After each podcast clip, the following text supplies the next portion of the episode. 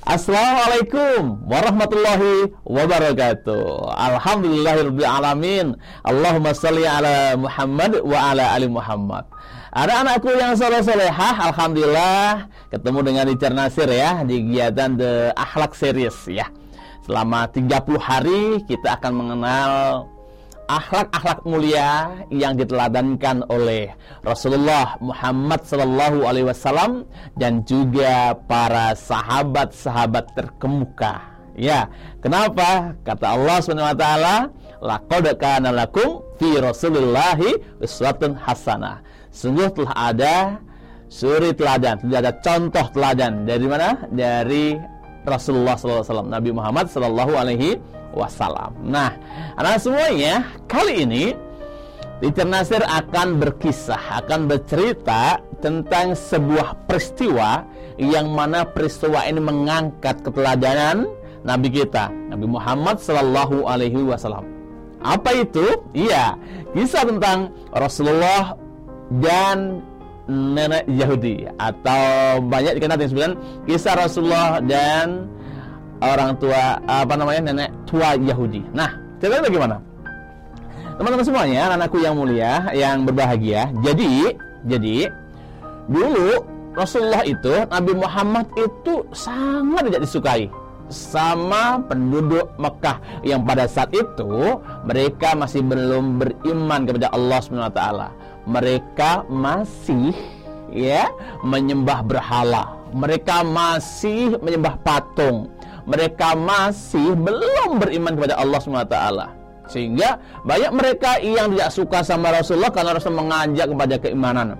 Rasul mengajak untuk beriman kepada Allah Subhanahu wa taala. Bahkan tidak hanya benci, ada yang melukai, ada yang menyakiti, ada yang melempar, ada yang caci maki. Nih, nah Rasulullah itu wajah manusia yang yang luar biasa anak semuanya, yang sangat sabar, yang sangat dia itu bisa menahan diri dari beragam godaan ataupun cacian. Termasuk kisah kali ini ya, kisah tentang Rasulullah bersama nenek tua Yahudi. Pada saat itu ada seorang nenek tua Yahudi yang sangat benci dengan Rasulullah. Setiap hari yang muncul adalah umpatan, cacian, dan fitnah menghasut pada para penduduk Mekah agar tidak mengikuti Nabi. Hei penduduk Mekah, jangan kau ikuti itu Muhammad. Muhammad itu pembohong. Muhammad itu penipu, jangan ikuti Muhammad. Begitu kira-kira. Setiap hari yang dilakukan hanyalah untuk mencaci, menipu, membohongi, memfitnah penduduk-penduduk Mekah agar mereka tidak ikut, tidak mengikuti, tidak menerima ajakan Nabi Muhammad. Tidak hanya itu, setiap Nabi Muhammad pergi ke Ka'bah, berangkat ke Ka'bah untuk beribadah, untuk sholat, nenek tua ini selalu menyiapkan godaan Pernah dikasih kotoran di tempat jalannya Rasulullah itu? Rasulullah marah? Enggak. Pernah Rasulullah berangkat ke Ka'bah oleh Tuhan apa? Dicaci maki Rasulullah? Enggak. Rasulullah pribadinya sangat sabar. Kita gimana? Digugat temannya marah enggak? Dicubit baru cubit kan? Gitu. Dibentak baru bentak kan? Enggak. Rasulullah itu penyabar. Keburukan dibalas dengan kebaikan. Enggak suatu ketika sang tua ini pun sakit. Sehari, dua hari, tiga hari. Rasulullah merasa heran. Kenapa orang yang biasa mengganggu aku nggak ada? Kenapa kok aku ke kabahnya kok lancar-lancar aja? Biasanya akan ada orang yang mencaci aku, menyakiti aku, mengganggu aku. Tapi pada saat itu tidak yang goda. Rasulullah heran. Kemudian Rasul bertanya pada para sahabat, ke mana perginya si nenek tua Yahudi yang biasa menggoda beliau? Dan dengar kabar, ternyata nenek tua Yahudi itu sakit. Kata sahabat, wahai Rasulullah, nenek tua Yahudi yang mengganggumu itu sakit ya Rasulullah. Begitu mendengar orang yang menyakitinya sakit, begitu mendengar orang yang selalu menggodanya sakit, begitu mendengar orang yang selalu mengganggu sakit, Rasulullah bahagia? Tidak. Rasul bukan bahagia. Justru soal kesedih, Rasulullah ikut apa namanya perhatian. Akhirnya apa yang dilakukan Rasulullah? Rasulullah pulang ke rumah, mengambil makanan di rumah dibawa Rasulullah mencari rumahnya nenek tua Yahudi itu bayangkan anak-anak orang yang menyakitinya orang yang melukainya ini sakit.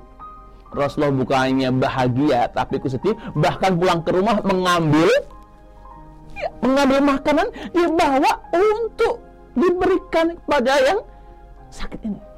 Sampai di rumah nenek tua Yahudi itu diketuk anak-anak. Diketuk pintunya. Siapa di luar?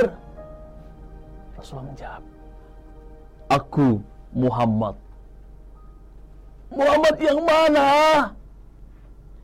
Muhammad Rasulullah.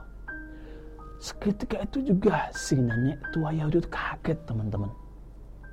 Ah, Muhammad orang yang selalu ku ku caci itu, Muhammad orang yang selalu ku benci itu, Muhammad yang selalu ku gangguin itu.